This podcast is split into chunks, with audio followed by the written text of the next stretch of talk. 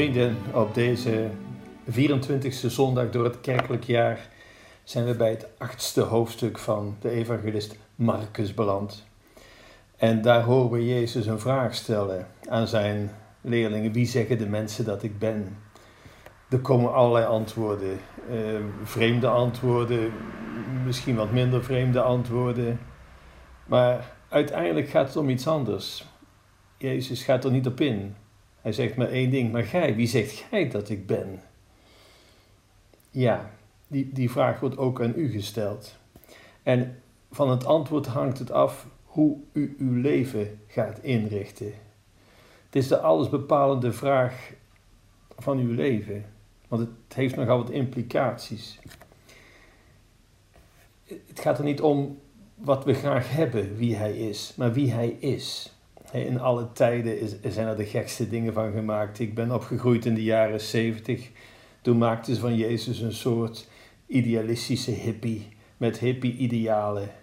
En, en, en dat was het dan. Ik ben oké, jij bent oké, iedereen is oké en we rookten samen de vredespijp. Vooruit maar. Uh, het heeft ook nogal wat extreme.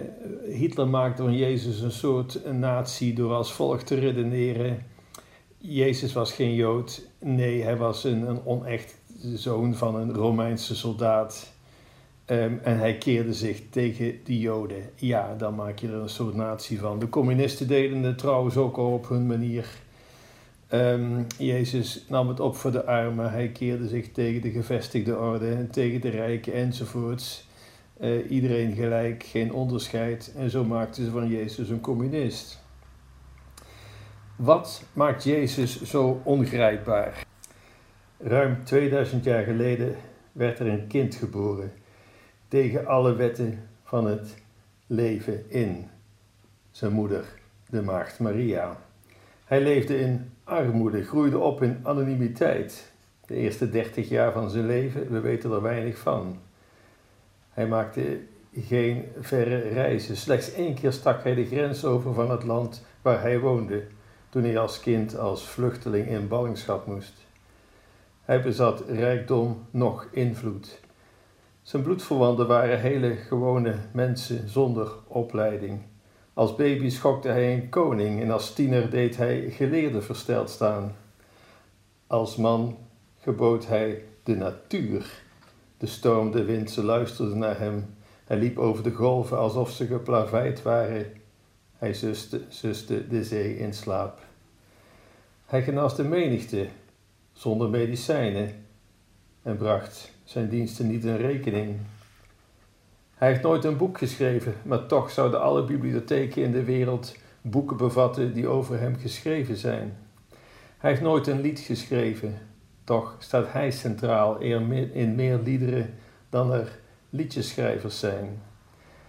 Hij heeft nooit een universiteit gesticht, maar alle universiteiten bij elkaar hebben nog niet zoveel leerlingen als hij. Hij heeft nooit een leger geleid, een soldaat gerecruiteerd of een wapen afgevuurd. Toch heeft geen leider ooit meer vrijwilligers gehad die onder zijn bevel zonder één schot te lossen zoveel rebellen tot overgave wisten te brengen. Hij is nooit psychiater geweest en toch heeft hij meer gebroken harten genezen dan alle dokters dichtbij en ver weg. Wat zegt Jezus van zichzelf? Ik som een paar uitspraken op. Voor Abraham was, was ik. Dat betekent nogal wat.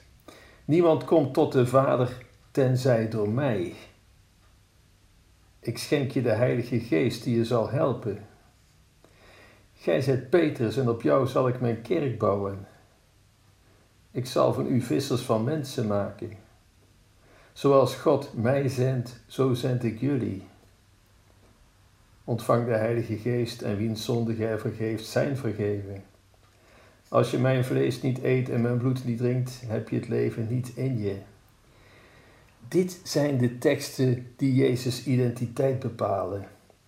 Niet zijn sympathie voor de armen en gemarginaliseerden. Zeker dat had hij, maar dat is dus niet wat zijn identiteit bepaalt. Er zijn er wel meer, ook in Jezus' tijd overigens, die het opnamen voor de armen. ehm, Tiberius en Gaius Gracchus, ik weet niet of je hen kent, deze broers, die namen het tegen het establishment in op voor de armen in Jezus' tijd. Hun idee tot landhervorming, waardoor ook arme boeren land ter beschikking zouden krijgen, kostte hen zelfs het leven. Je kunt de gebroeders Gaius, eh, pardon, Gracchus eren om hun idealen, zoals je Socrates kunt bewonderen om zijn onkreukbare nobelheid. En toch zijn er voor de broertjes Gracchus en voor Socrates geen wekelijkse bijeenkomsten met kazuifels, wierook, brood en wijn, verlicht met stemmig kaarslicht om hen te eren. Dat we Jezus dood en verrijst is wel elke zondag, ja zelfs elke dag, in een Eucharistieviering gedenken, heeft niets te maken met zijn nobele werken en zijn steun aan de armen, maar met zijn identiteit. De Zoon van God. Daar vraagt Jezus naar in het Evangelie van vandaag: Wie zegt gij dat ik ben? Met de aanspraak van Jezus over zichzelf. Als hij werkelijk de Zoon van God is, dan zal hij ook zijn belofte gestand doen. Gelovigen volgen hem omwille van zijn beloften. Het zielenheil, het eeuwig leven, dat staat op het spel. Dat is waar het om te doen is. Doe zoals zij, hij, volg zijn voorbeeld. En je zult eeuwig leven verwerven.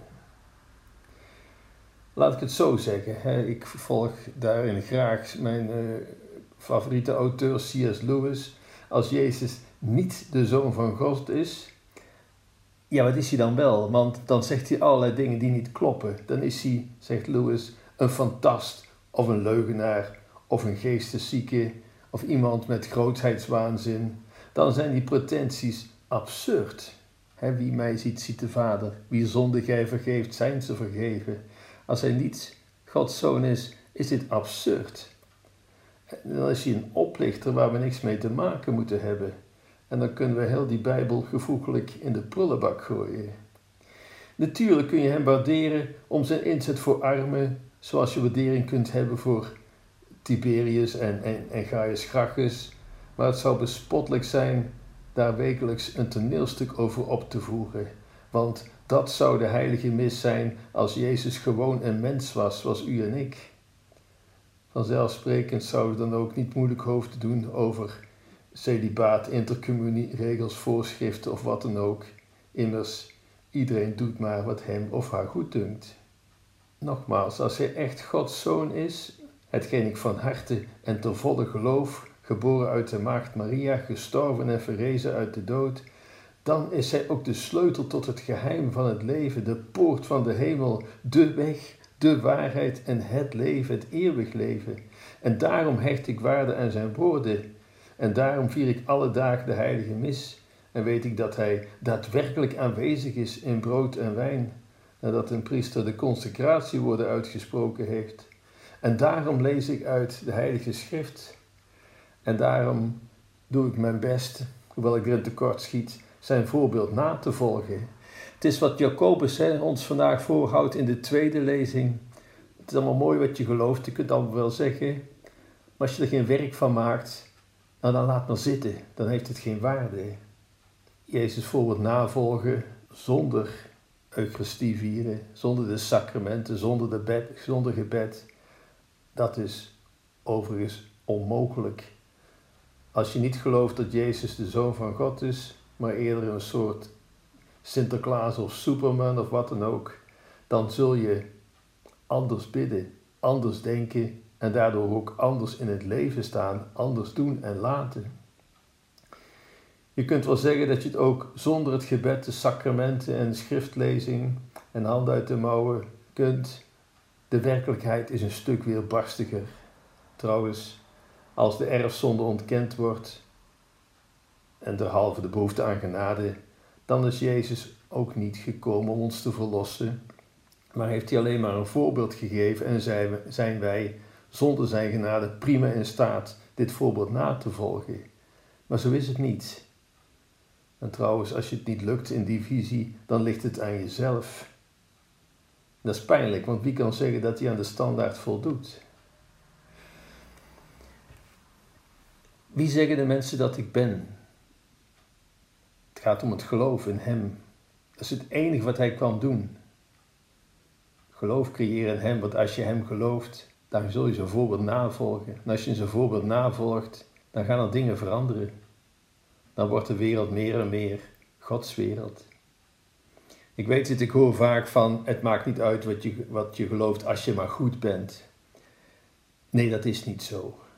Denkt u nou echt dat moeder Teresa, dat Sint Franciscus, dat Pater Damiaan, dat Pirke Donders en heel de bekende rij die ik graag noem, denkt u nou echt dat die het gedaan hadden wat ze gedaan hadden zonder het geloof in Christus? Nee, maar dan ook in het geheel niet. En moeder Teresa, weet hoe ze begon, hè? lag zo'n stakker op straat te sterven en ja, iedereen liep daar met een boog omheen. Waren dat allemaal slechte mensen? Waren dat allemaal onaardige mensen? Dat lijkt me toch niet waarschijnlijk. Maar ze deden niks. Was moeder Teresa aardig? Ik weet het niet. Maar ik weet wel dat zij wel hielp. En iedereen wist waarom. Vanwege haar geloof in Jezus Christus, de Zoon van de levende God.